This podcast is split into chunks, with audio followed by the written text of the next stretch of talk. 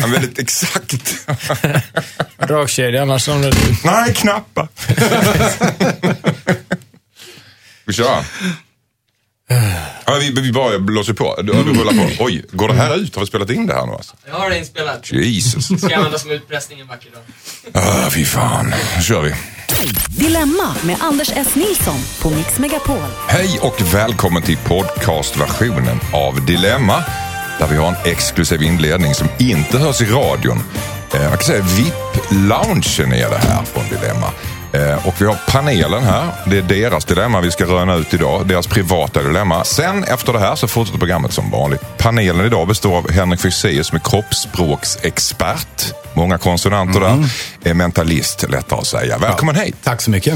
Josefin Crafoord, poddpudding, podcaststjärna och kan det mest inom podden. Så du får lära oss andra hur det ska gå till här idag. Ja, det är Mm. fint att du har lärt dig att det heter podd nu och inte... Vad var det du sa för du, iPod. iPod, sorry. Innan, innan iPod-stjärna. iPod-stjärna och spelar all musik själv. Fantastiskt. Den rösten tillhör Tobias Persson som är på min vänstra flank här, den tredje panelen idag. Han är då helt enkelt stand-up-komiker och eh, ska ge sig ut på västkusteffekten i sommar. En stand-up-turné. Och jag tänkte vi skulle börja med era dilemman som ni har gått och fnulat på lite grann i helgen.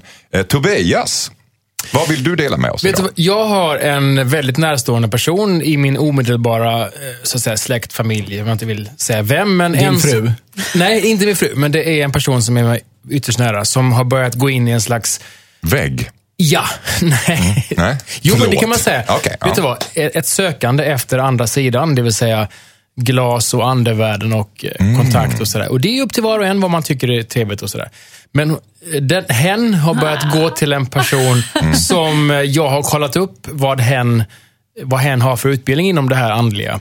Mm. Och hen säljer väldigt mycket personer till den andra personen som är min då. Varför säger du hen? Det är, hon, att- ja. Han eller hon har väl ett kön? Man vill inte outa. Nähä. Om det Okej. är en han Och eller det, hon. Varför tar han upp det här i radion om man inte vill outa Ja, men det? man kanske inte vill outa om det är en han eller hon. Säg så Okej. okej, mi- hen då, min, min närstående. Hur många har du som har sökt dig till andra sidan?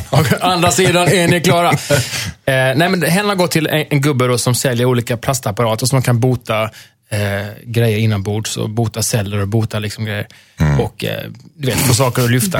Och jag har kollat upp denna personen och det har även Uppdrag granskning gjort. Så jag vet om att det här är en kille som nog inte har helt på fötterna. Och hade det varit ideellt, hade jag låtit den här personen som jag känner då, älskar, gå all in. Men i och med att min då närstående lägger så mycket pengar på det här. Väldigt mycket pengar på den här plastapparaten som ska bota och fixa och göra grejer. Tittar de i öronen och att mot njurarna. Ja, men du vet, håll den här mot, mot tidningen i kvart så får du mer hår, eller vad det nu är. Och, och, och, du, och du hör din morfar om du bara köper den här grejen. Då blir jag såhär, ska jag... eh, För hen vill ju tro på det här och tror ju på det här, men jag tycker att hen har inte så mycket pengar heller, så jag, jag vill liksom inte... Nej. Förstår ni? Jag, jag vill att hen ska vara lycklig och glad, men jag vill samtidigt inte heller då... ehm, Du är rädd att hen ska bli lurad helt Ja, enkelt. eller hon- hon är- Utsatt hon- för en kvacksalvare. hon, fasen, där kom det. Hon. Det kom ut, det var, det var en hon i alla fall. Ja. Big surprise. Hon, Ja. oj, fan fick hon. Nej, men jag kände det på mig hela tiden att det var okej. det. För du trodde till och med du sa det någon gång. Okej, Ja. i alla fall. Eh, hen, hen spenderar mycket pengar Ah, okej, i du kan sjön. inte gå tillbaka ja, nu. Ja, nej, Nej. hon spenderar mycket pengar. Och jag vill bara känna, så länge hon är lycklig, fine. Men Mm. jag, det är mycket pengar tickar iväg till den här mannens eh, lilla, väldigt suspekta verksamhet. Och det är det som gör mig ledsen, om det dränerar hennes. Och ditt dilemma är, ska du säga till eller inte? Ja. Ska du göra henne ledsen eventuellt? Men för hennes För, bästa? för, för att det betyder mycket. Okej. För du tror att hon är utsatt för, utsatt för en klassisk kvacksalvare? Ja, tyvärr. Inte långt därifrån. Nej, precis. sanningen heller. Eh, vad säger Jossan om detta? Men jag tycker att man kan säga, om, om man tror det, om man tror det som du tror, då kan man ju säga det till sin kompis. Men sen så tror jag inte kanske att det bara går att stoppa för det. Man kan ju säga så här, du jag tror inte det där är mycket att lita på. Jag, jag tror inte alls att det där hjälper och, och sådär. Men, men eh, det är svårt att stoppa en person som har hittat det här och uppenbarligen verkar vilja fortsätta. Oh, ja. Eh, då verkar det ju som att det ger henne någonting. Snygg, henne. Eh, Så Ja. att hon... Eh, ja, men, men du kan ju alltid... Jag, jag tycker inte det finns någonting pinsamt eller jobbigt i att säga vad man själv tycker och tror. Vad tycker du om sådana här personer då, som gör så här? Ja, alltså Som utnyttjar går på svaga det- människor, som för det är ut- Fast jag tycker inte att det nödvändigtvis behöver vara svaga människor som eh, utsätts och jag tror inte heller att alla som håller på med sånt här hokus pokus är lurendrejare. Jag tror Nej. inte det. Jag tror att det finns vi- vissa som är bra på det de gör och andra inte. Och jag tror att någon som är jätte, liksom, stark och tuff ändå kan halka in på fel spår och sådär. Så att det är väldigt så individuellt. Men, eh, men jag tycker att man ska ju säga vad man tycker. Om man har en kompis som... Ska han säga någonting? Ja, det tycker, jag, tycker, jag tycker definitivt du ska säga. Mm. Men jag vet inte om du har så mycket för det. Men du kan ju alltid säga vad du tycker. Vad säger Fexeus? Problemet när människor bär på en stark övertygelse av den här typen, det är ju att om man kommer och säger, men du det där stämmer inte eller det funkar inte, du har fel, du bränner dina pengar på det här. Det enda man gör då är att man befäster dem ännu hårdare i den här tron. Därför att de får det som heter en kognitiv dissonans, vilket innebär att men jag lägger ju massa pengar på det här, alltså är jag en idiot. Och det kan jag ju inte vara. Så enda sättet att lösa det är att du har fel. Så att det, det är nästan omöjligt att omvända en person som har gått in i det här, tyvärr. Men, vad jag, men däremot tycker jag inte att, att ska låta det här bero. Därför att hon blir av med pengar och hon kommer kanske hamna i en ekonomiskt väldigt svår situation. Eh, Betala hellre pengar till honom än till sina barn om hon har det, eller, eller köpa mat eller hyra och så vidare. Det är ju inte bra. Men vad sägs om att låta henne själv se det här Uppdrag granskning-avsnittet? Just det. Mm. Om det går att hitta Bra. på någon playkanal eller liknande. Och så får hon ta ställning till det. Bra. Förhoppningsvis är deras argumentation så pass tydlig så att hon åtminstone måste fundera på Och då den. kommer det från en, en yttre, jag säga, Ja. en, en annan person. Ja, eller och då är det inte heller så här, Då är jag, inte jag som du tycker, utan, utan det är någon som faktiskt har gjort research på det. Är hon svag, hen här? Henne? Eh, I den bemärkelsen att hon är sjuk eller är det... Nej, inget sånt. Utan Nej. bara har blivit en slags, slagit in på den andliga sökande vägen. Och det är ju helt okej. Men att jag, den, hon har köpt en apparat som, då, som hon säger enligt honom kan bota aids. Och, grejer. Och, och då känner jag, och då sa jag i min... Det är ju direkt Och, och, farligt. jag, och då sa jag, oj, det måste vara en världssensation. Eh, när får man läsa om det här? Nej, men det är många som, som inte tror på det här va? Mm. Det, det är lite Som konspiratoriskt. försöker tysta det. Exakt, exakt. Många är väldigt Oj. konspiratoriska. Och som. Henrik sa, Man att tystar ner dem där. Risken de. är att man, det är är så här klassiskt sektbeteende, att man Mm. säger till någon att du ska inte vara med här. Och då säger de övriga i, i gruppen att, ser du, ingen, ingen tror på oss. Mm. Och då sluts man ännu längre in i det här övertygelsen. Så Mm. det är jättesvårt. Men Och tänk, om, tänk om den botar aids? jag, jag, jag alltså, då lyfter jag på hatten. Då, har vi Ja. haft, då, då står det säkert i Tänk medicinska om tidningar. mjölk botar cancer. Alltså det, det, Nej, men alltså, någon gång Ja, så kommer ja. ju den där maskinen ja, kanske för att det kommer nog inte från en sån person. Det är en Nej, person Alltså, som... förmodligen inte till Förmodligen- Förmodligen från någon som har en viss 99%. medicinsk bakgrund till att Jag tror börja med, det- skulle jag vilja Jag tror säga. att det tillverkas i ett garage i Säffle. Ska vi gå vidare här? Ja. Eh, Josefin, har du något haft dilemma? Eh, Ja, jag har ett litet faktiskt som jag skulle vilja dra med er. Det är ju så här, jag har ju jobbat med radio i eh, ganska många år. Och i och med detta så har jag faktiskt fått lite så här smådålig hörsel. På ena örat framför allt. Eh, Jag skyller på, på att det är radio, att man står med lurar. Inte med... att du står som DJ på nattklubb Nej, med nej, 7000 decibel. Det kan, det kan inte vara det. Nej, nej, nej. nej, men jo, det också. Naturligtvis. Någonting är det. Jag gillar ju höga ljud överhuvudtaget. Och sen finns det ju då personer som liksom inte talar ur skägget när de pratar, utan de småmumlar eller pratar tyst och sådär. Och då står man och snackar med någon, till exempel, och så säger den någonting, där drud med det. Eh, va? Säger jag då. Och så säger den en gång till.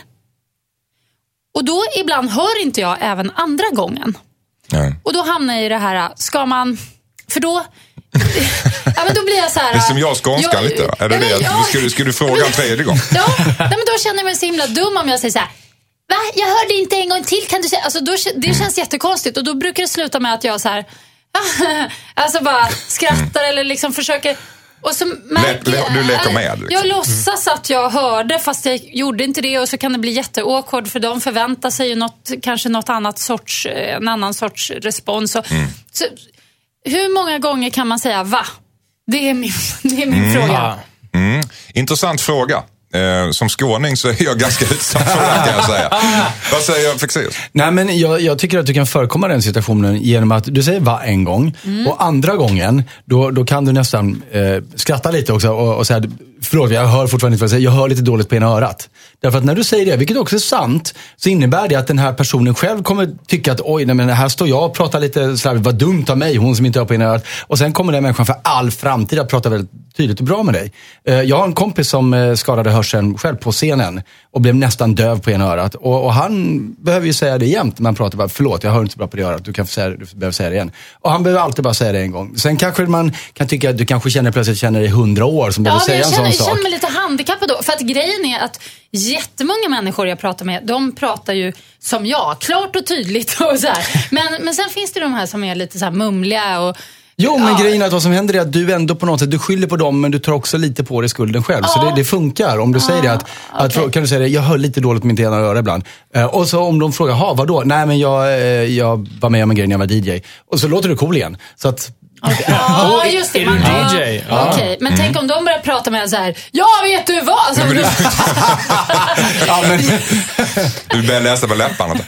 Vad säger Tobias om det här? Jag kan bara hålla med eh, talman Fexeus, för att alternativet är ju värre. Om du bara ska säga ja, och nu spelar med. Då finns det risk att, Ja, de, nej, det finns ju ja. risk att de säger att jag tycker man ska skjuta alla handikappade. ja, att du håller med om något som är fruktansvärt, eller s- går med på någonting som du inte vill gå med på. Det där klassiska Seinfeld-avsnittet där vem är det som har en flickvän som pratar väldigt tyst? Mm, ja, Det är Kramer är det, som har en flickvän som pratar sådär. Nej, men det finns ju de som gör det. det är, Mm. ja. Okej, tror- men ni tycker jag ska säga till? Du ska inte bara sitta och för då kanske Nej. dina vänner säger, fan vad hon har blivit blasé senast. Jag sitter bara och skrattar och ler. Hon går på medicin. Vad jobbigt. Hon är helt lam i ju- huvudet. För det där med att låtsas och förstå, det är ju tricky. Ja. Därför att man kan komma undan med det, men det krävs väldigt skick- skickliga eh, åhörare, så att, eller de, de som lyssnar. Men är det fel det- av mig att tycka att folk Ja, som om du- mumlar och pratar tyst är lite Du löjliga? kan Liksom? lite löjliga, ja. Alltså, om du, om du, ja, faktiskt. Alltså, om, man har någon, om man har en kommuni- kommunikation så tycker jag att det är viktigt att man faktiskt uttrycker sig tydligt till varandra. Ja, den, ena, också- den ena parten kan ju inte säga ja, ja, ja, så här Leif GW aktigt va. Utan man måste ju, han har ju mix och det är därför vi hör honom. Annars Ja. man, man kan bara hundar höra vad han säger. Det, är liksom, det, är, det är otroligt tycker jag att man, man är tydlig. Så jag tycker du kan säga det rakt upp och ner. Om du vill höra Mm. min åsikt. Ja, nej, men då så. Bra. Bra. Då, då ska jag försöka. Mm. Ja, Testa. tack så mycket. I morgondagens podd så fortsätter vi med mitt och Henrik Fexeus dilemma. Nu däremot så fortsätter vi med era inskickade dilemman. Här har vi ett brev från Daniella. Hon skriver så här. Hej! Jag har efter tio år som singel äntligen hittat någon som jag tycker väldigt mycket om. Allt har fungerat bra mellan oss och han fungerar bra med min familj. Tills plötsligt, plötsligt en dag när han umgicks med min mamma. Nu är min mamma sur över någon diskussion de har haft. Jag har ingen aning om vad de har diskuterat men jag vet att min kille kan vara lite jobbig att diskutera med och min manna, mamma kan bli sur när man inte håller med henne.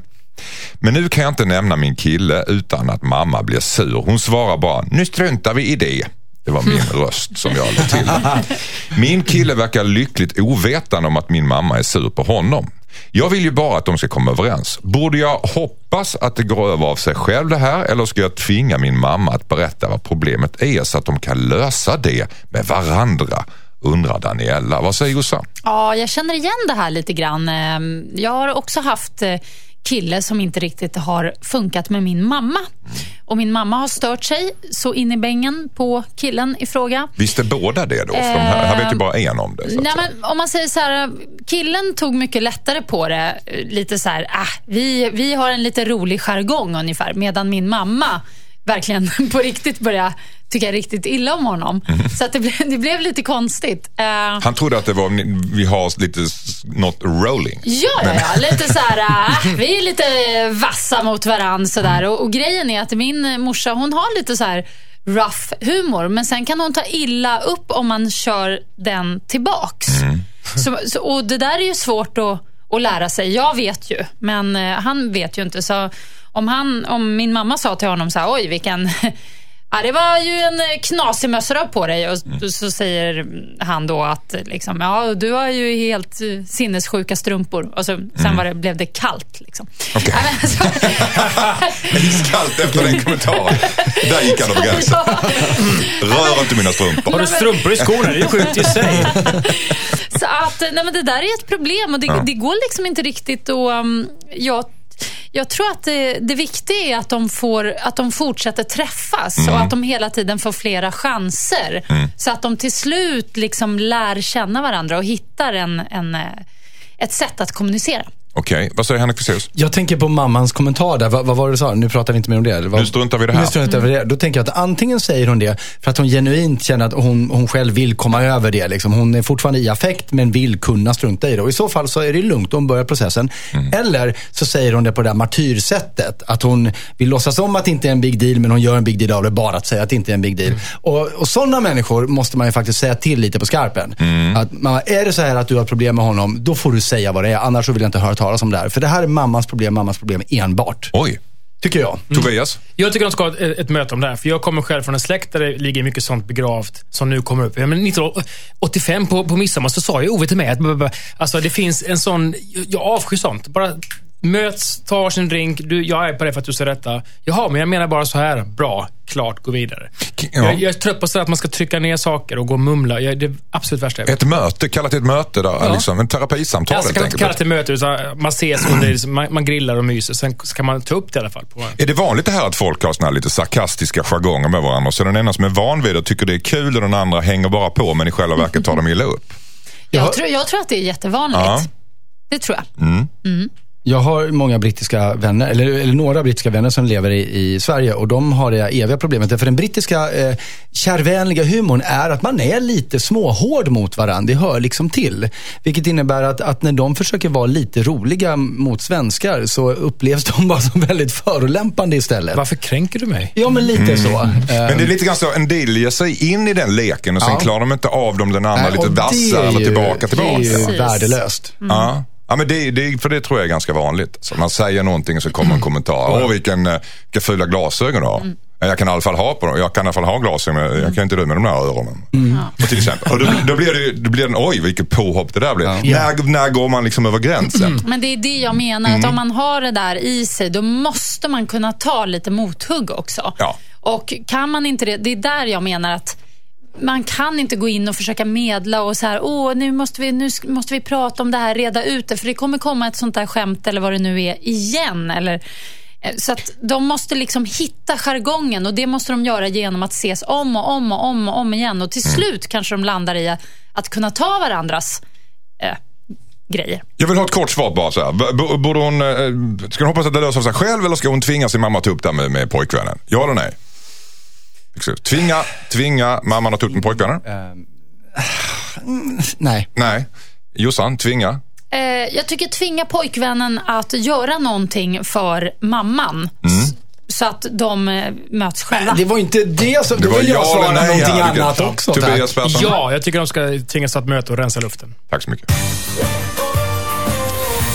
Hejsan Dilemmapanelen, jag heter Louisa. Min man och jag har varit tillsammans i 11 år. Vi har två små barn tillsammans och det tredje kommer om en månad. Min man vill inte behålla det tredje barnet från första början. Men jag har tidigare fått missfall och ville inte göra abort. Nu har jag fått veta att min man har haft en hemlig relation med sin kollega i över sex månader. Han började alltså träffa henne i samband med att jag blev gravid. Vi har ändå valt att försöka ge vår relation en chans trots otroheten. Men han är arg på mig för att jag behöll barnet mot hans vilja. Jag visste inte om hans affär när jag blev gravid. Nu vet jag inte vad jag ska göra. Hur ska jag få honom att släppa sin ilska mot mig? Undrar Louisa. Vad säger Fexeus? Um, eh? Jag är helt förbryllad av, det här brevet. Ja. Eller, eller av den här mannen kanske. För först så tänkte jag så här att, att, ehm, att han hade den här affären, att det, att det är samma för med graviditeten. Då tänker jag att, att det, det, det och det faktum att han inte ville att hon skulle behålla barnet hänger naturligtvis ihop. Men inte nödvändigtvis så att han hade tänkt gå vidare med den här kollegan. Utan han var väl uppenbarligen frustrerad över situationen i sin relation. Eh, och hade den här flingen och, och den, den kanske var ett uttryck av att de nu skulle ha det här barnet som han inte ville ha. Eh, för det är ju ganska vanligt har jag förstått att, att när kvinnan blir gravid så skaffar mannen lite fling innan han kommer på bättre tankar.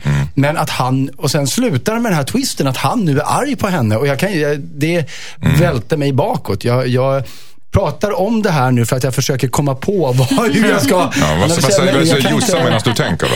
Nej, jag tycker också att det är lite förvirrande. Mm, jag eh, tycker inte han har rätt att vara arg på henne Nej. överhuvudtaget. Absolut inte. Jag tycker att hon ska skaffa sitt, sitt barn och, eh, och sen om han vill vara med på tåget eller inte, ja, ja, det är väl upp till honom då. Men nej, jag tycker inte det här Men, känns men, men, schysst. frå- men frågan är hur, hur ska hon få honom att släppa ilskan mot henne? Ja, men, det, Hur ska hon säga? Ska hon säga det eller ska hon, vad, vad ska de göra? Alltså- Tob- Tobias Persson, Nej, men de, de behöver väl ah, professionell hjälp, definitivt. Mm. Alltså, det, det, alltså, han har ju en enorm bitterhet som då säkert sporrade otroheten och som sen har cementerat hans ilska mot henne. Och Då kommer han kanske eventuellt få ilska mot barnet när barnet föds. Fast Jo, men det tror jag. Tror du jo, det? Jag tänkte det tvärtom att eh, kanske ilskan går över när barnet föds. är han arg på sig eh, själv och projicerar sin egen ilska på henne? Jag tror, inte, jag tror inte han riktigt vet vad han vill och vad han står på och därför slår han liksom utåt. Men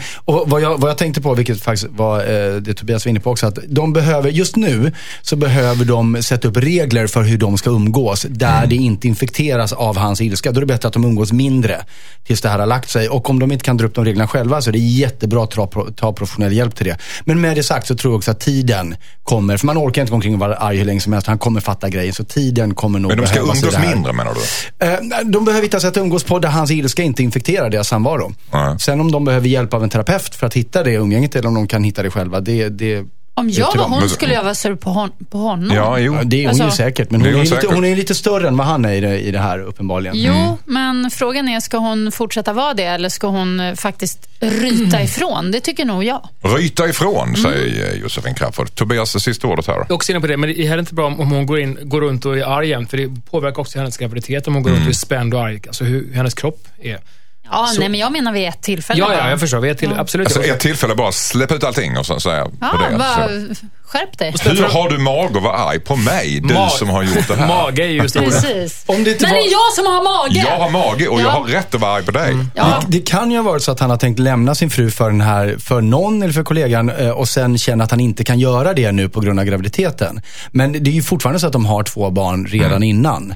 Så, att, så att det här förändrar egentligen inte hans situation. Jag tror att ha- hon, om, om hon ska göra det Josefin säger, skälla ut honom, passa också på att ställa honom mot väggen då. Att, att, eh, vad är det du vill egentligen? Du måste fatta ditt beslut. Ja. Men, du, men du var ändå inne på att du skulle hitta, nu ska hitta en slags neutral zon där, Ja, där ilskan inte blir överhängande. Ja. Och du, Ja. Men du är tvärtom, så här, ryt till. Och Tobias, jag fattar inte riktigt vad du hade för råd här i detta. Eh, Lev livet. Nej, men, nej jag, tror jag, jag, jag lutar åt, åt fixera. Skaffa en neutral, eh, någon som kan hjälpa till och eh, försök umgås lite mindre om det krävs och låt liksom, tiden lägga sig som en liten trygg filt. Tiden läker alla så, Ja. kanske. Mm, tack. Hejsan Dilemmapanelen, tack för ett bra program. Ni gör min helg. Joho! Börjar. Kristina. Ja, Och tack. du gör vår. Ja, det gör du Kristina. För att du lyssnar och skickar in brev gör det ni också. Mitt dilemma, skriver Kristina, är att jag har en kollega som alltid vill ha skjuts hem från jobbet. Vi bor i samma del av stan men det är ändå en lång omväg för mig. Det är som du, Anders. Hon brukar vänta kvar på jobbet tills jag ska åka hem. Ibland så ska jag handla efter jobbet och då passar hon på att köpa något litet för att sedan åka med. Det har även hänt att jag får hämta hennes son på träningar. Ibland har jag släppt av henne en eh, tunnelbanestation ifrån där hon bor men då har hon ingen koll på vart hon är. När jag ska hämta henne på väg till jobbet så kommer hon alltid ut för sent vilket gör att jag blir försenad. Hon är inte särskilt trevlig heller. Men jag är hennes chef och hon gör ändå ett bra jobb. Jag funderar till och med på att ge henne mer jobb under sommaren men jag tröttnar på att agera hennes privatchaufför. Borde jag låta henne fortsätta jobba hos mig trots att jag har tröttnat på att skjutsa henne? Undrar Kristina. Jag vill ha korta svar. Vad säger Tobias? Hon får jobba kvar, ja. Jobba kvar jag. Jossan? Kicka henne. Kicka henne för den här grejen. Ja, det där skulle jag veta mer om sen Jossan. Eh, Henrik Fexeus? Jag vet inte om hon får kicka henne för den här grejen. Nej, det finns väl lite bestämmelser för sånt va? Juridiska Men, men, eh, direkt. Nej, men alltså, det det är ju inte lösningen. Grejen är att då kommer hon ju bli arbetslös och vill ha skjuts hela tiden. För då har hon ju inte råd att köpa SL-kort på tunnelbanan. Så att det är inte lösningen. Så det korta svaret är att jag låter henne jobba kvar. Det här ska bli mycket intressant Jossan. Kicka henne säger du för det här. Är det Ja. bara för att, för att du får, jag får alltid åka hem eh, eh, med dig efter sändningarna. Ja, det får du. och då Men- ber jag alltid dig att köra en liten omväg. Ja, du vill Och alltid bli körd i hela vägen fram till Nej, men- porten. ja, och men då det måste är jag köra bara- runt Ja, så här, men- värsta rundan. Det är hundra meter till. Och det, jag, känner, jag känner att det tar emot när jag frågar. Jag försökte hinta en gång Fexeus kör mig till dörren varenda gång. Ja. Vadå, gör inte du det alltså? Nej, hon släpper mig. Vid rödljuset? Om jag, om jag har tur, annars backar hon på mig som hon gjorde en gång. Ja, men jag gjorde det fart. för att, för att hinta om att liksom, Ja, det är eh, inte okej. sl- sluta, Sluta om- fråga. nej, nej, men alltså det, det är helt okej. Jag, tycker Mm. det är- jag tycker det är trevligt att, att skjutsa hem dig faktiskt. Ehm, och jag förstår att du inte orkar gå hela vägen, Mm. eh, de där tio metrarna. En gammal man. Mm, det är en gammal man. Men nej, jag tycker bara att den här eh, bruden verkar lite, får man säga, efterbliven nästan. Alltså vadå? Avsläppt vid en tunnelbanestation i närheten är. och inte vet var hon är. Hon kommer inte i tid och jag tycker hon verkar så här. Hon är inte så trevlig. Alltså, Men hon gör, hon gör ett bra jobb, Jo, så det står lite grann med att hon är nej, trevlig och beter sig så här. Tänk hur många trevliga människor där ute som kan göra samma jobb. Mm. Och den här kvinnan verkar ju vara liksom tråkig, jobbig. Ett åbäke i, i hennes liv. Vad heter Mm. hon, brevskrivaren?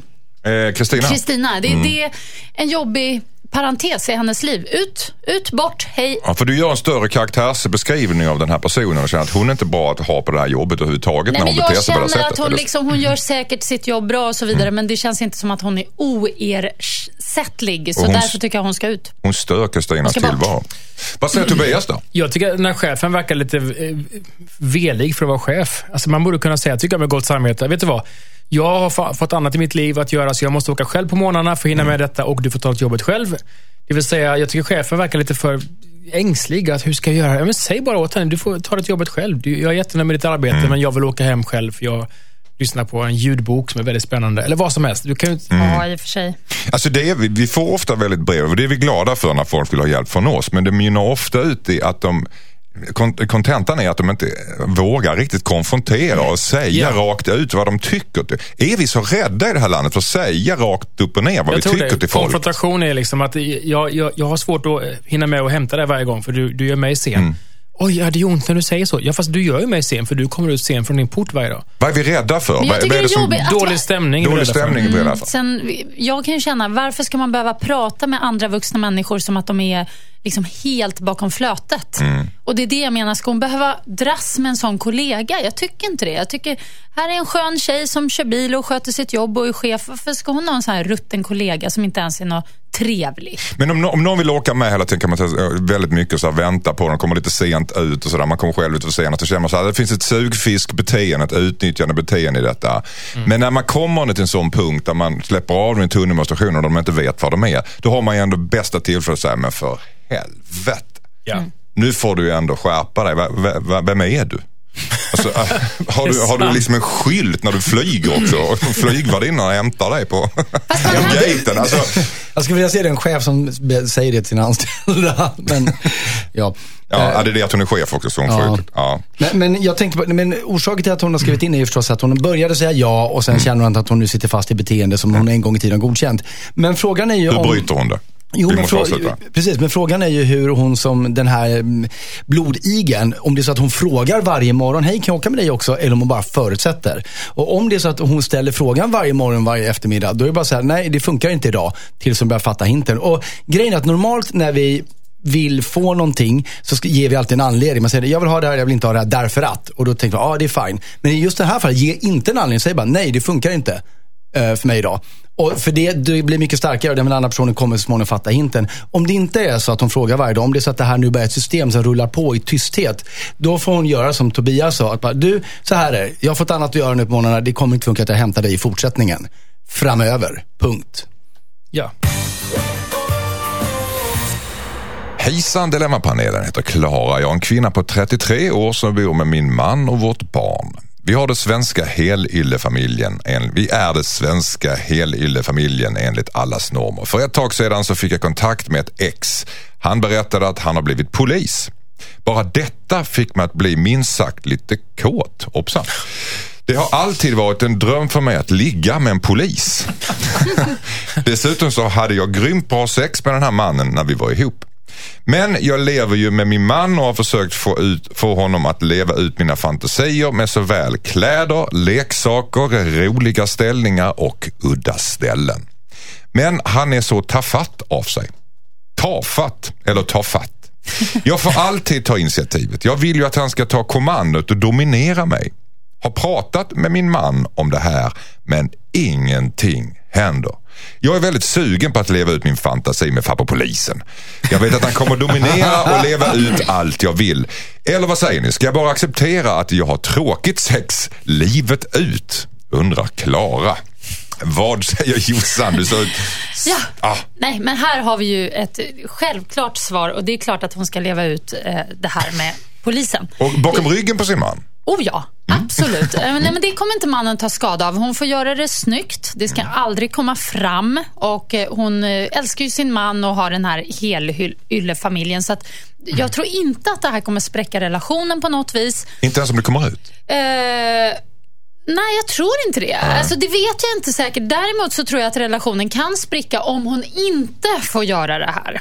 För då kommer hon gå och tänka på det och, och gå runt och känna och längta och så kommer det till slut slita på den relationen som är. Så jag tycker att hon ska hoppa i säng med herr polis och ha lite kul. Eh, en och två, tre, kanske tio gånger, vad vet jag. Men, men sköt det snyggt och eh, inga, låt inte några känslor komma Kan det inte vara så att Klara leker, att hon, äh, leker med tanke på att hon vill ha, liksom, leka polis i sängen? Men det kommer inte han att göra för det där gör han ju på jobbet. Varför ska han liksom göra det i sängen igen? Nej, kan tror det vara att, så? jag tror att bara tanken på att han är polis, det räcker för Mm. henne. För att de har ju också haft sex en gång i tiden och det var väldigt bra. Mm. Och nu så har det liksom, ja, nu har det blivit 2.0 av det eftersom han dessutom har gått och blivit polis. Så jag tror det räcker. Henrik Fexeus. Jag tror det kan hända två grejer här om hon hoppar i säng med honom. Det ena är att hon märker precis det du sa. Jaha, just det, min idé om en polis var ju inte om hur en polis är egentligen. Men sen sa hon ju att hon, ursäkta, att hon hade haft sex honom förut och det var fantastiskt. Men då måste vi komma ihåg att hon tycker det är fantastiskt i ljuset av det sex hon har nu. Skulle hon ha det med honom igen och samtidigt ha med sig bagage så att hon är gift och så vidare så kanske det inte skulle vara så bra längre egentligen som hon har skapat sig den här bilden av uniform eller inte. Och då kan man ju tycka att, ja, då kanske hon ska prova på då. Samtidigt är det väldigt bra så finns det en risk att hon fastnar i en relation med den här killen. Eh, förstås. Eh, som kommer förstöra hennes giftermål. Så att det, hon spelar ett väldigt högt spel här. Mm, högt spel som hon ska låta bli. Eller bara ha det som fantasi. Du brukar förespråka ibland att man ska stanna vid fantasin. Ja, men, men just här så tror jag inte att hon kommer göra det. Nej. Så att jag, men jag vill bara säga, det här är de två utfallen jag ser. Men hon har nog ingen val än att försöka. Tobias Persson. Jag tror äh, mellanväg mellan er två, att, att hon liksom ännu mer adresserar sin man och säger att jag, ehm, om, om vi inte lever ut det här eller gör någonting åt det här hållet så, så kommer jag inte att kunna leva så här längre.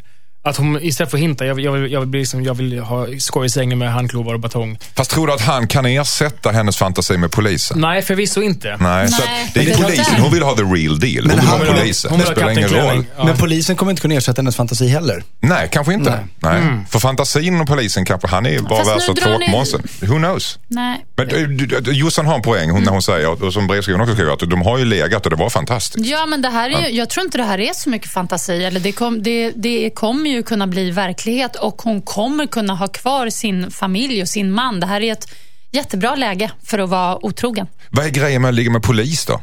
Alltså vad- Jossan, vad, vad, är, nej, men alltså, Va? vad, vad, vad, nej, men vad, vad, vad tror du ligger bakom det här? Är, är det men- det förbjudna, nej, men jag- snutnojan Ja, som man liksom ger en dänga? Ja, men ty- typ, och, alltså, har, man haft, har man haft ett gammalt ligg som var väldigt bra, jag försöker tänka mig in i hennes situation nu Mm. och så dessutom så har man då någon grej för poliser. Det har ju kanske inte just jag, men vi säger att jag hade det då. Mm. Då kanske det blir Ja, då blir det ju lite så här: wow, ah shit, och det var ju så bra och nu har han dessutom gått och blivit polis. Mm, alltså att det blir, ah, då blir det ju ännu härligare på något vis. Men vad, han kanske är en sån här trafikpolis, alltså en vanlig tråkig alltså, häst. Alltså han behöver inte vara liksom Martin Beck för det. Ja, men, eh, han är hon- polis, han vänder papper med en Bara att blå, hon kan blå ligga i pärm och sängen och snus. skrika vad ska du ha? "Polizei!" Skott i råttan. Jag kom på en sak. När han vill ha sexlekar som polis så står han med såna vägkamera Ja, när han kommer in i sovrummet. Va? Det gick lite fort det där. Ah. Vad, vad säger du? Jag, jag tycker hon ska lämna sin man. Hon ska lämna sin man rakt upp och ner. Nej. Hur kommer det sig? Jo, därför att, att bara det faktum, faktum att hon skriver det här brevet, att det här är en så stor del av hennes tillvaro uppenbarligen och hennes mentala värld. Så gör ju det, och det verkar inte vara det för hennes man alls. Det gör de två ganska inkompatibla med varann. Det här kommer bara bli värre och värre och värre. Till slut så kommer hon bli frustrerad och bitter och så kommer hon gå och ligga med någon annan bara för att och så är det bara kaos. Jag tror att, att eh, den relationen kommer inte vara bra. Lämna din man, säger Fexeus. Var otrogen, säger Josefin Crafoord. Tobias, ett kryss två eller? Eh, ja, ser du ett blåljus och spring. Tack. Skicka in ditt dilemma till dilemma@mixmegapol.se. Första dilemmat faktiskt på, under sommarmånaden på riktigt. Det är juni, det är den fjärde juni. Om två dagar så är det dags för kungen att hålla tal, tror jag. Då är det den sjätte juni, men nu är det den fjärde juni. Hoppas det har gått in. Dilemma är det också. och sen har vi eh, en panel här som är ta- mer taggad än någonsin. Och de gjorde en analys här precis innan pausen och tyckte att det gått väldigt bra, men att det kommer att bli ännu bättre den här timmen fram till klockan 11. Yeah. Ja, och det där var Tobias Persson. Ja! Rapade du eller försökte du göra en sån här Jag försökte vara manlig och macho, men det sprack. Jag Alltså, försökte- du gjorde en jättesexig dans alldeles nyss också. Det visste jag inte att du hade såna skills. Nej. Men det gjorde du. Ge mig en kvart så överraskar jag de flesta. Negativt, men ändå. Han är, han är en vig liten fox den här Persson. Josefin Crafoord är också här som ni hörde och även Henrik Fexeus, kroppsspråksexperten. Jo, jo. Hur tycker du kroppsspråket har varit här bland, bland dina kollegor så här långt? Eh, det är som alltid Har det fantastiskt. varit dubbla budskap? Ja, det är väldigt tydliga budskap tycker jag. Ja. De är i harmoni med sina rörelser. Ja. Det, Ja, det, det, vad det de är mycket hat dock. Nej. Men Jaså? Oj. Under Nej, nej, ytan sa jag eller? hat? Kärlek menar jag förstås. Ja, ja. Jag blandar ihop dem hela tiden, förlåt. Bli, bli aldrig terapeut. Jag tror att du älskar din man. Förlåt, hatar din man. Är inte det samma sak ibland? Oh, Om man ska nu gå in. jag tänkte fråga, jag får fråga Henrik Fexeus när han ännu var där och grottade. Hörrni, eh, vi har ju en massa brev kvar här. Vi har de bästa, sparar bäst till sist. Och Bland annat Fionas dilemma. Hon äcklas av sin pojkvän. Mm. Har ni äcklats av era partner någon gång? Ja. Nej, jag har inte det. Varför är Jossan bara den som är rakast och ärligast direkt? Ni andra måste tänka innan. Jaha, så att, att vara rak och ärlig är motsatsen till att tänka? Absolut, Alltså. absolut. Det här, absolut. Men då, då, då, Då, med börjar du, då ska, är jag ska, med jag den äran ska, väldigt orak. ska jag våga säga det här? Då börjar du analysera det själv. Nej, men det kan också Jossan har hört vad jag sagt, hon har tagit in det, hon svarar med ryggmärgen ja. Ja, kick it, kick it. Ärligt, som ett barn åt fyllo. Jag det, det är bara de som är ärliga. Ja, men jag skulle också kunna svara japp, men, men sen ställer du frågor till mig och då måste jag bara backa. Men det är bara barn och alkoholister som är ärliga. Ja, ja. Värst, Jossan. allra, allra värst är alkoholiserade barn. De är för jävliga. Okej. Fiona äcklas av sin pojkvän, vi ska ta hennes brev om en stund. Hejsan hoppsan Dilemmapanelen. Jag älskar ert program. Själv så har jag ett dilemma gällandes min pojkvän. Vi har träffats i drygt åtta månader och vi har det jättetrevligt tillsammans. Mitt problem är att han är så grymt äcklig. Rent fysiskt. De första fem månaderna bytte han aldrig handdukar förrän jag påpekade det. Då vet jag inte hur länge de hade hängt där. Han tvättar sig inte efter sex, diskar aldrig och hans tvätthög är högre än vad jag har. Jag tycker om honom jättemycket men efter att jag varit hos honom så stinker mina kläder och mitt hår av någon okänd odör som konstant hänger i hans lägenhet. Jag städar och diskar hos honom och han vet att jag tycker att han är äcklig. Men hans beteende förändras inte. Jag känner mig lika smutsig när jag går ut ur duschen som när jag kliver in. Han verkar inte se problemet och kan till och med bli sur när jag påpekar det. Vad ska jag göra? undrar Fiona. Ja, hon, man kan väl säga att Fiona var ganska tydlig. Väldigt tydlig. Vad säger Tobias Persson? Alltså kort svar på magkänslan. Lämna den här stinkhögen.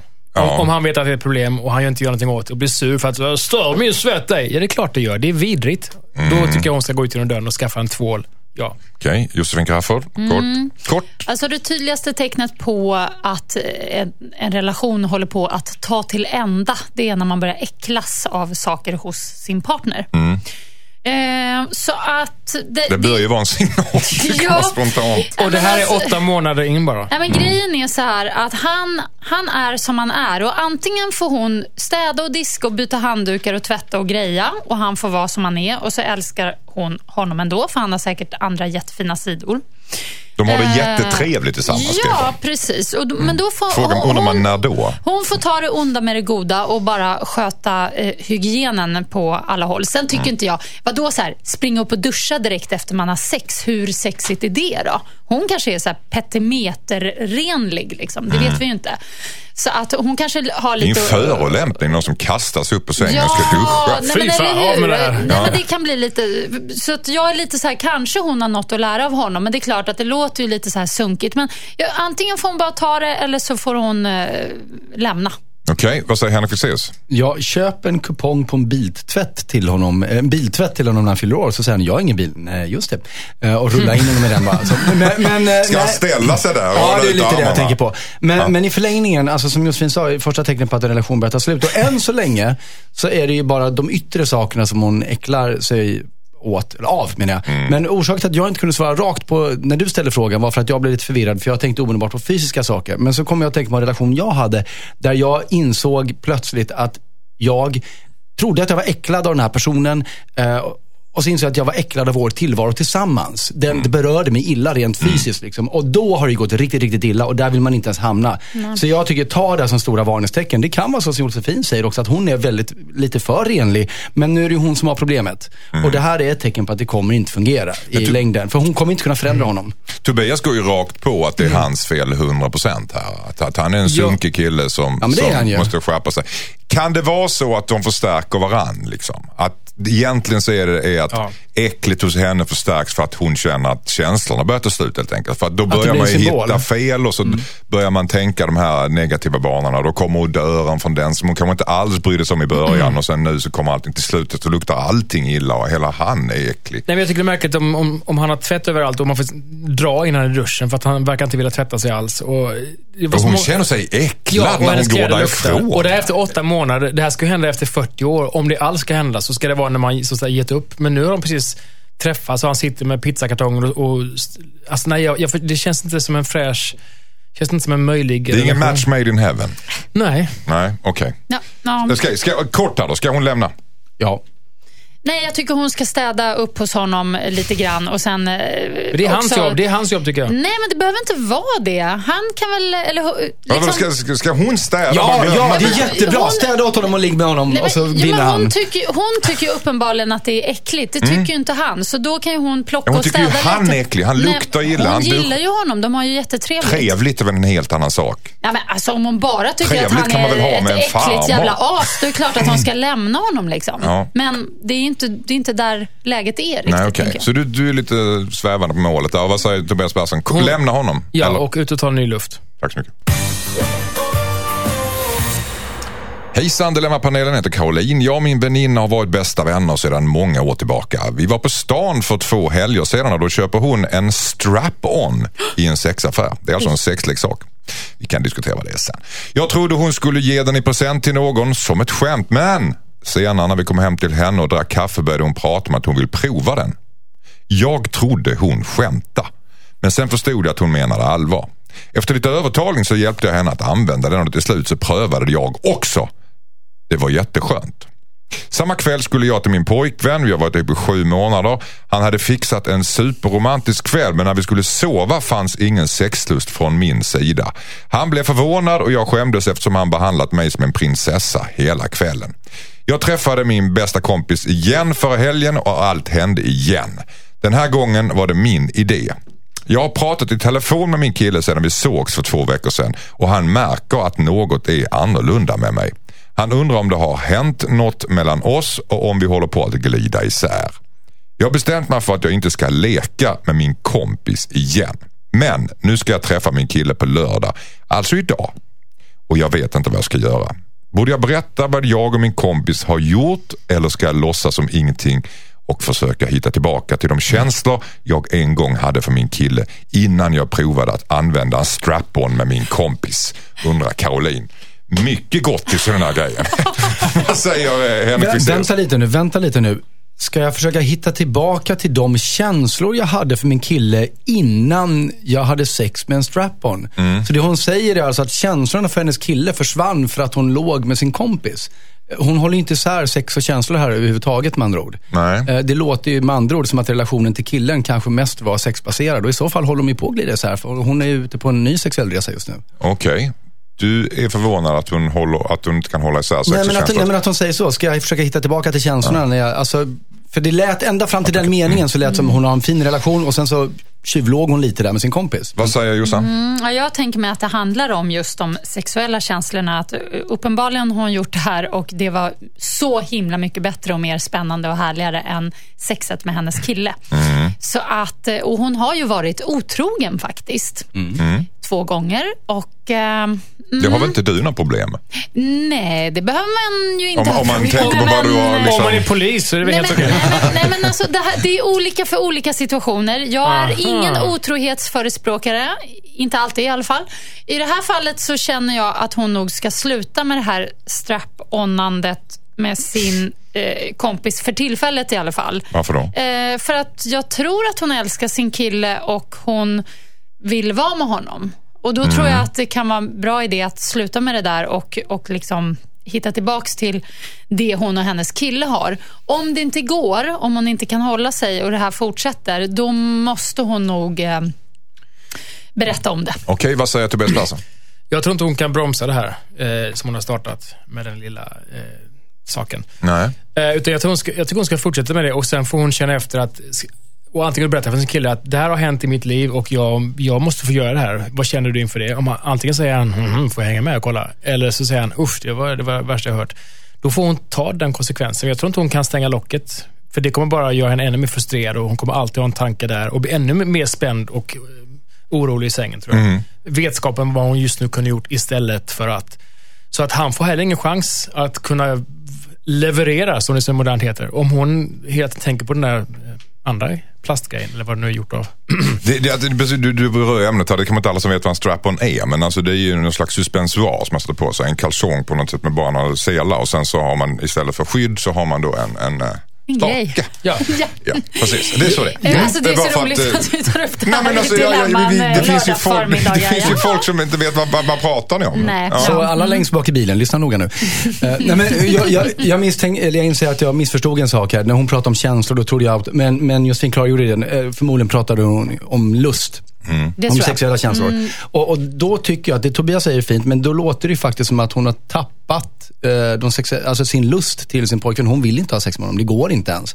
Och, och då går, går det inte att fortsätta den relationen om det verkligen är så. Så du är inne på Tobias linje att eh, den här resan som hon har satt igång den går inte och den måste hon köra till Ja, men hon, kan, men, men hon kan säga. faktiskt prova att pausa det eh, i några veckor och se och vad, om hon börjar tända på sin kille igen. Men om hon fortfarande inte gör det, nej men då är det faktiskt att hon är inne på någonting nytt nu. Sista ordet Jossan. Jag håller med eh, Fexan alltså. Pausa och se om hon hittar tillbaka. Så annars fall så kör med kompisen. Strap on, boom! Tackar. Boom! Tack så mycket. Hejsan Dilemmapanelen, tack för ett sjukt bra program. Ni är bäst.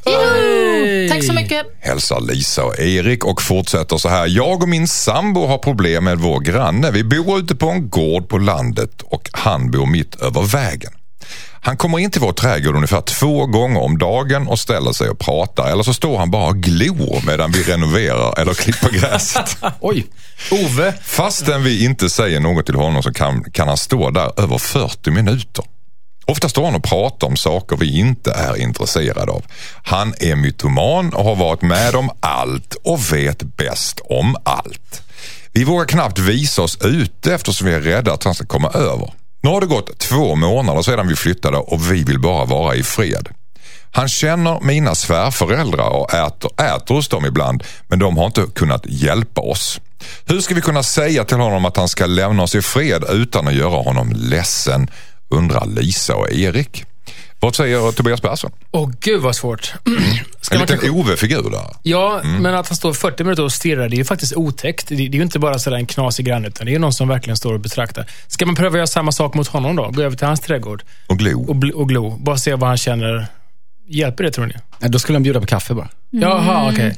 Fast, alltså, alltså, det är inte riktigt att han bara står och glor i 40 minuter utan han står i 40 minuter och tittar på dem och då pratar han om ointressanta intressanta Medan de saker. så. Men däremot kan han stå och glo när de håller på lite grann sådär. Men är inte det här typiskt så här, Kontaktsökande på något bönder på landet?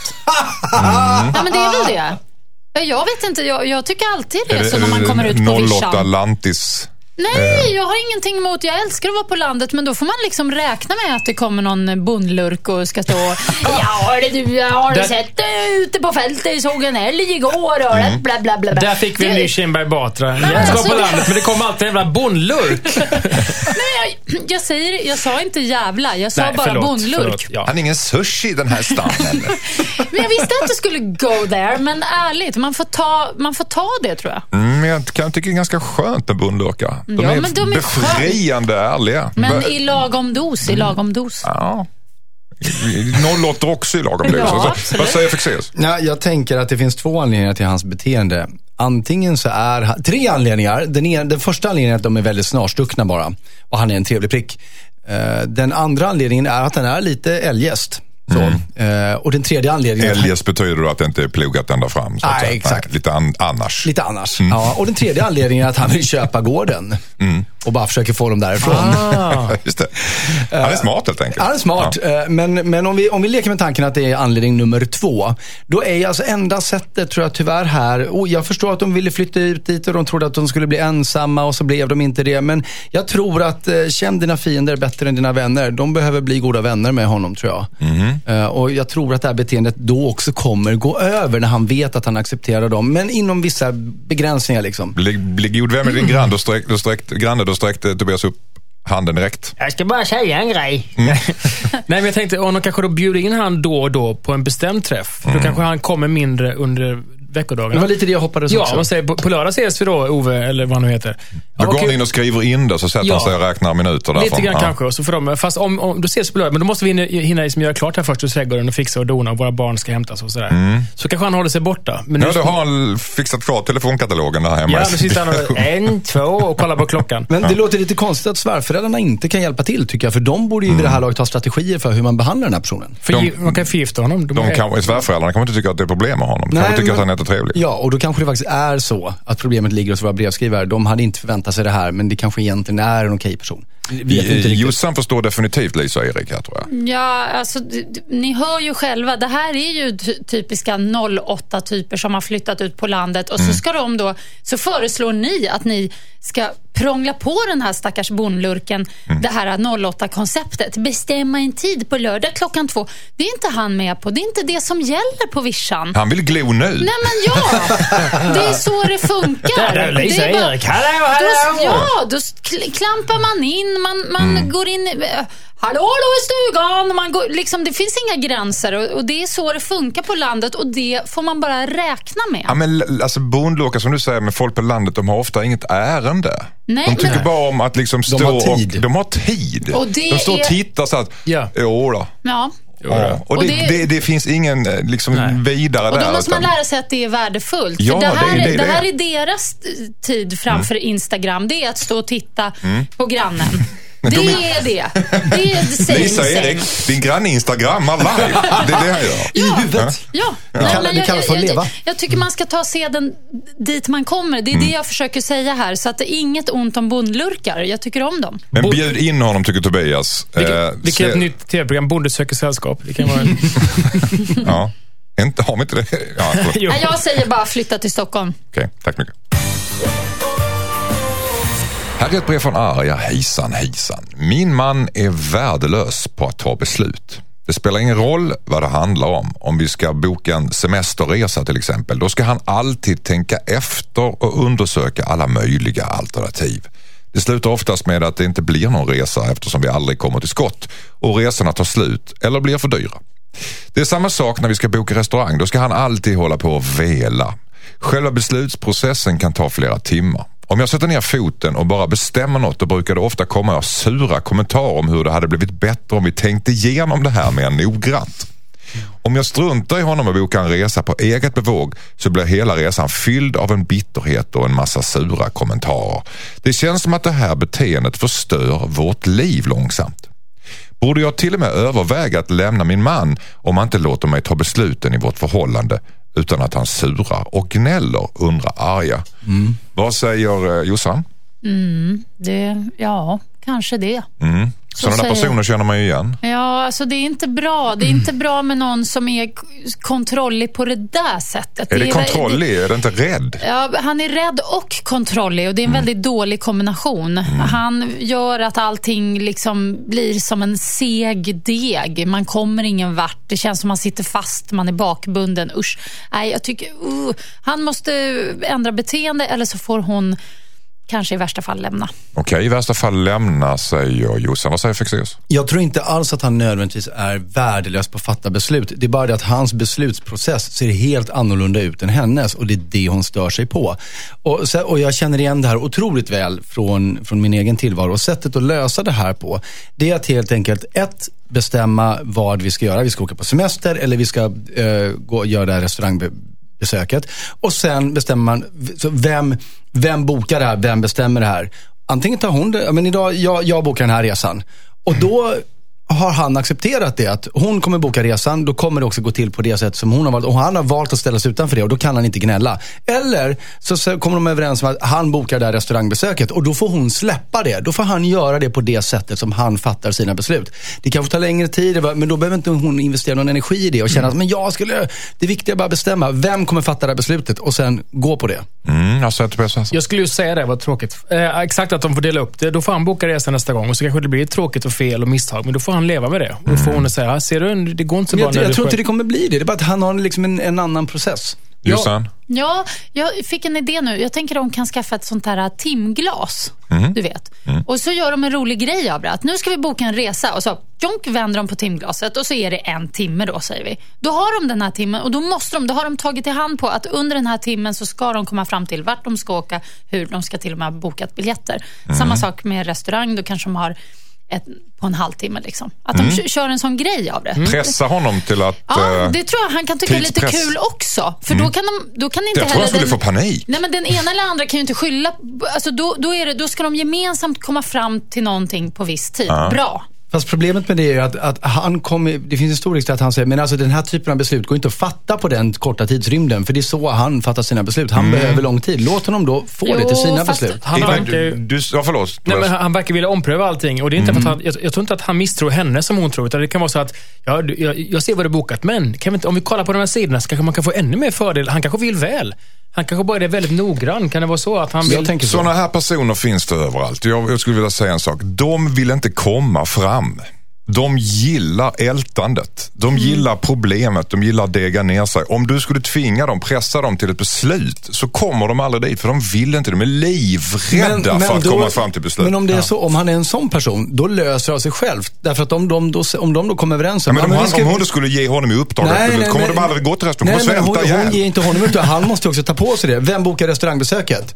Du eller jag. Mm. Om, om de då kommer överens om att han ska göra det, då har han ju det till uppgift. Då kommer han inte undan. Om han är som du säger, att han, att han ältar att han egentligen inte vill fram. Då kommer han aldrig vilja bo, boka den där restaurangen. Då kommer hon få göra det på det sättet Mm. som hon är nöjd med. Och han kommer inte heller klaga. För då har han godkänt att ja, men du bokar det. Men om man är ute och Så kör bil alltså, och med, med någon så ska man äta någonstans. Det spelar ingen roll var man kommer. Och vad man föreslår vi ska käka. Kan käka där, käka, käka där. Det är aldrig, nå- aldrig något som är rätt. Nej, jag vet ja, fast det precis. finns ett bättre där borta. Ja. Det, kan, fast där borta är Det ännu bättre. Ja, och det, ja, där man kanske, det finns en rädsla för att komma fram. Bra, det, jag håller med om det. Jag har också ett par bekanta som är sådär. Men det finns, om vi kör tre kilometer till, finns det en ny avfart med en, en grekisk restaurang. Mm. Ja. Men livet är kort, sväng av här. Ät det där roadkill-djuret nu så går vi, Jag, jag menar att det, det är alltså en rädsla för att ta ett ställning. Ja. För att ta ansvar för vad man själv tycker. Det är hemskt och det är därför hon kanske sk- bara ska skippa den där snubben. Precis. Hon, ska men- ski, hon ska skippa den här snubben. Ja, men jag är li- li- liksom lite Men, inne men, på det men ni faktiskt. är inne på att, att låta honom ta ansvaret så att säga. Tycker jag med. För då, då, då får han leka chef ett tag och sen märker han, eh, oj, det gick inte. Och då kommer hon och säger, bra, då kan jag få göra det nu. Tack. Men det är hennes livs tid som går. Det är ju Mm. jättetråkigt. Det rinner ut. Ja, ska hon bara gå runt och bredvid den där jättetrista mannen? Usch, nej. Ja. Du får ta åt dig, vad, ni får ta åt, du får ta åt dig vad du vill arga av eh, Fexeus Crafoord eller Tobias Persson. Skicka in ditt dilemma. Dilemma at mixmegapol.se. Constellation Prize, Robin Bengtsson minsann. Och vet ni vad? Det var den sista låten. redan. Svansång. Ah, konserverad majs, Ja, som min son säger. vad är det? Vad, vad, vilket sammanhang? Äh, han tror att den heter det, låten. Ja, ja, konserverad majs. Ja, men konserverad majs. Det har väl också en YouTube-låt där de sjunger det. Ja, Precis. Ja. exakt. Men det heter den inte. Nej. Men det var sista låten i alla fall. Mm. I Dilemma. Jag vill tacka er för att, så jättemycket för att ni har uh, spritt era fina visdomsord.